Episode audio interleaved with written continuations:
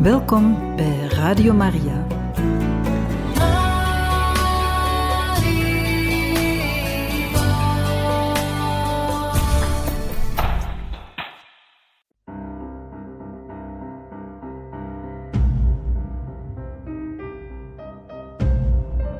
Het woord spreekt. Een programma van Radio Maria.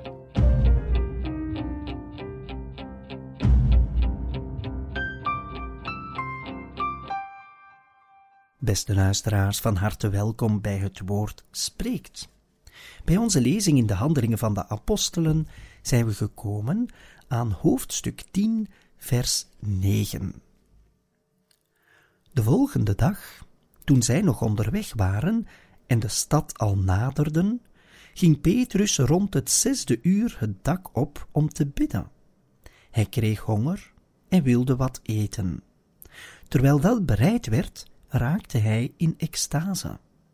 Hij zag de hemel open en er kwam iets naar beneden als een groot laken dat aan de vier punten werd neergelaten op aarde. Hierin bevonden zich alle viervoetige en kruipende dieren van de aarde en de vogels van de hemel. Er klonk een stem die tegen hem zei: Vooruit, Petrus, slacht en eet. Maar Petrus zei: Geen sprake van, Heer. Nog nooit heb ik iets gegeten dat onrein is of niet zuiver. Weer richtte de stem zich tot hem, nu voor de tweede keer. Wat God gezuiverd heeft, moet jij niet onrein maken. Dit gebeurde tot driemaal toe. Daarna werd de hele zaak meteen weer omhoog getrokken naar de hemel.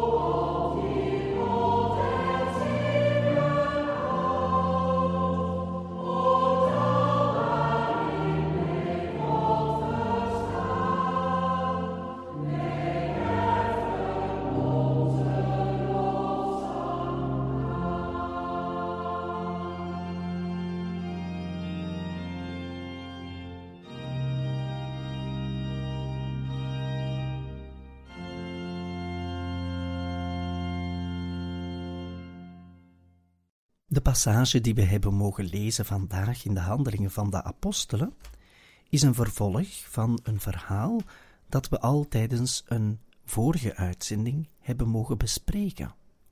Namelijk een zekere centurio Cornelius moest Petrus gaan halen. Petrus zal gehaald worden, maar terwijl de knechten van de centurio nog onderweg zijn, staat er geschreven in de handelingen hetgeen wij vandaag hebben mogen lezen, namelijk over een visioen dat de heilige apostel Petrus zal hebben. Maar eerst gaan we het even hebben over hetgeen er staat, namelijk dat Petrus in extase raakte. Petrus heeft honger, hij wilt wat eten, Maar terwijl dat bereid werd, gaat hij het dak op om te bidden. En hij raakte in extase. Een extase wil zeggen uit zichzelf treden. Het naar buiten gaan. Dit kan enkel gebeuren wanneer men echt bidt, als het op een positieve manier gebeurt natuurlijk. Als het gegeven wordt door God. Er bestaan ook extases die niet zo gezond zijn, waarbij men ook uit zichzelf zou willen treden, maar niet omwille van het goede, omwille van God, maar zelfs omwille van het kwade, van de duivel. Dit zijn allemaal zaken die niet zo evident zijn vandaag, maar die wel degelijk reëel zijn. En zo ontvangt Petrus een extase. En in die extase, wanneer hij eigenlijk uit zichzelf treedt, zal God hem iets laten zien. Maar wat hij zal laten zien, lijkt ons toch wel heel bijzonder. Speciaal zelfs, heel moeilijk uit te leggen. Wanneer Petrus uit zichzelf treedt, dan is dat ook een bewijs dat hij zelf zeer innerlijk was. Dat wil zeggen dat hij een biddende mens was. Gebed bij ons is misschien vaak nog te veel naar onszelf gekeerd. En als wij te veel naar onszelf keren, ja, dan kunnen wij niet in extase geraken. Niet dat dat een doel moet zijn, maar het kan wel gegeven worden als men zodanig naar buiten wil gaan. De innerlijke mens moet dus naar God gaan, naar God keren, naar buiten gaan, uit zichzelf keren. Een biddende mens is eigenlijk altijd een beetje in extase. Niet altijd op een bovennatuurlijke manier, maar altijd wel gericht naar God. Iemand die bidt moet zich richten naar God en naar de ander. Wij zijn in ons gebed misschien nog te vaak naar onszelf gekeerd. Zelfs tijdens het gebed van een rozenkrans doen we dat misschien te veel voor onszelf, opdat wij ons goed zouden voelen. Maar dat kan niet de bedoeling zijn.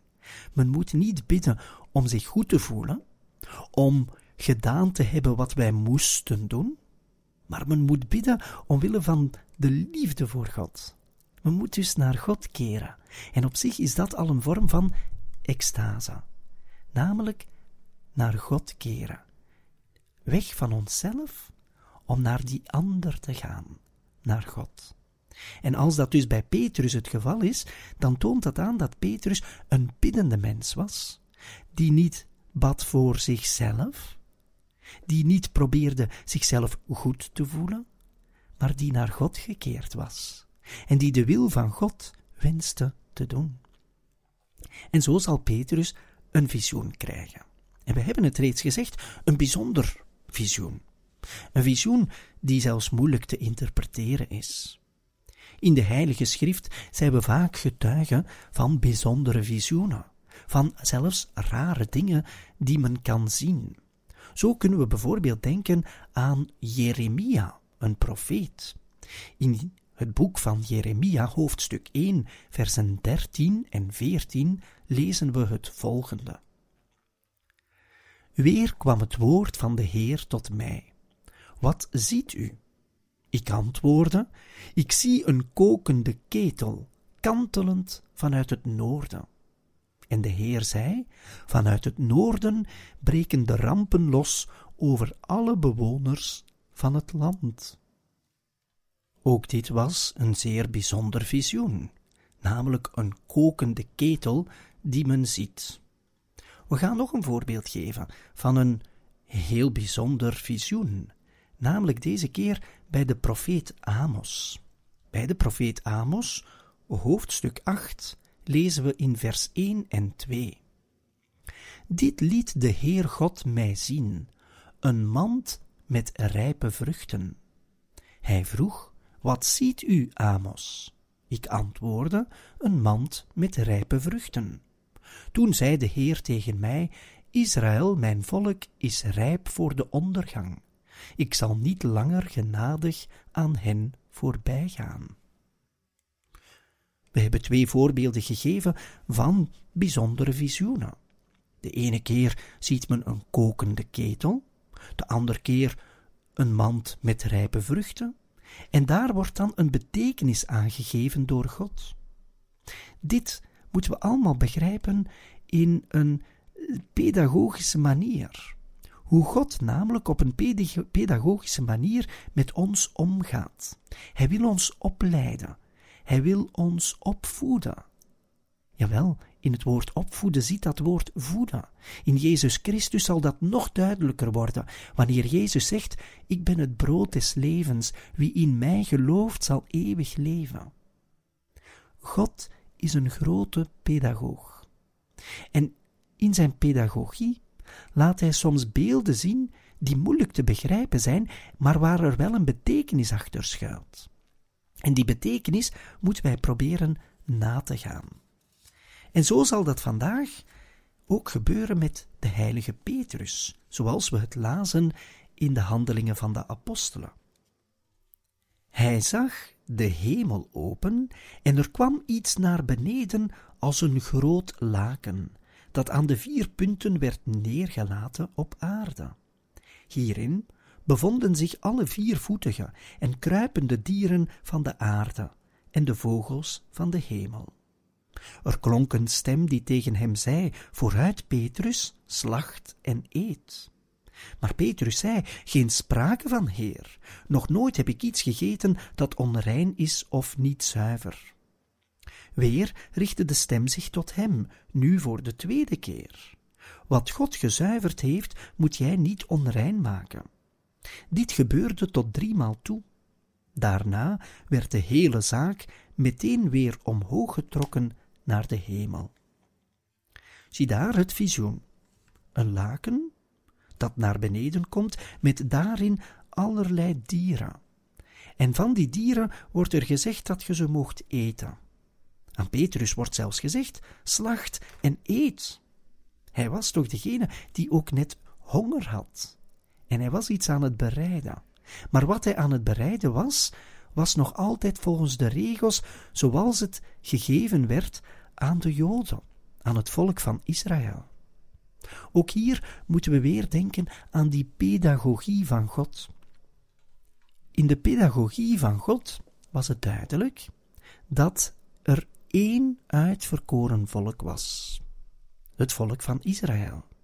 Daarnaast waren alle andere volkeren op de aarde de heidenen. En de heidenen deden wat ze wensten. Maar aan het volk van Israël werd iets duidelijk gemaakt: dat niet altijd alles rein was. En zo zijn er heel veel regels gegeven aan het volk van Israël, ook omtrent de gewoonten van het eten. Dit en dat mocht men niet eten, het was niet goed. Maar dat is een vorm van pedagogie die God graag gebruikt naar de mens toe. Wij moeten die materiële wet, zeg maar ook gaan interpreteren op een geestelijke manier. Er bestaat iets onrein, dat maakt God duidelijk. En wat onrein is, daar moet men niet op ingaan. Dat moet men wegduwen. Men moet zich richten naar het reine. Men moet zich richten naar God. En wanneer God dus iets onrein verklaart, dan moeten wij geestelijk kunnen begrijpen dat er onreine zaken bestaan. En zo zal Jezus, die de, de volle openbaring geeft, ons uitleggen dat die onreinheid in de zonde zit, dat dat in het kwade zit, in hetgeen dat die tien geboden ons verbiedt, omdat zij ons eigenlijk de mogelijkheid ontnemen om bij God te komen. En nu zitten we in een nieuwe tijd. En dat is hetgeen dat het visioen aan Petrus duidelijk zal moeten maken. Want Petrus moet ook begrijpen dat die nieuwe tijd van het geestelijke begrip is aangebroken. Dat is door die gave van de Heilige Geest. De Heilige Geest maakt ons duidelijk wat er bedoeld werd in die grote pedagogie gegeven aan het volk van Israël. En het volk van Israël als uitverkoren volk heeft de weg moeten voorbereiden opdat alle volkeren, en dus de heidenen zowel als de Joden, het woord van God kunnen ontvangen. De missie, de opdracht van het volk van Israël, is eigenlijk afgesloten met de komst van Jezus de Messias. En die regels die gegeven werden aan het volk van Israël, was op een pedagogische manier om duidelijk te maken dat men zich moet onthouden van het onreine. In Jezus Christus zal het duidelijk worden dat dat de onthouding is van de zonde. En men moet zich dus, dus terugrichten tot God, niet alleen meer het volk van Israël, maar nu alle volkeren. Alle volkeren, heiden zowel als Joden, zijn nu gevraagd om zich te richten tot hun schepper. Hun schepper, de God die hen heeft liefgehad. En dus, aan Petrus wordt gevraagd om te slachten en te eten, om zich dus niet te houden aan die regel die hij kende vanuit de pedagogie in het volk van Israël, maar om zich nu te richten op hetgeen dat op een geestelijke manier gegeven wordt aan iedereen, zowel Joden als heidenen. Petrus zal het nog niet direct begrijpen. En er zal nog discussie over volgen, en dat lezen we in een volgende aflevering, wanneer we verder gaan in die handelingen van de apostelen. Maar nu kan al duidelijk zijn dat God verder gaat in zijn pedagogie, maar nu niet meer alleen gericht op het volk van Israël, maar nu gericht aan de gehele mensheid, ook voor ons vandaag. God richt zich tot ons om te zeggen dat wij op een geestelijke manier, geholpen door de inspiratie van de Heilige Geest, ons altijd moeten onthouden van het onreine. Maar het onreine bevindt zich niet in een dier of in wat dan ook, maar bevindt zich in de zonde. En zo hebben we vandaag, beste luisteraars, gelezen in de Handelingen van de Apostelen, hoofdstuk 10, versen 9 tot en met 16.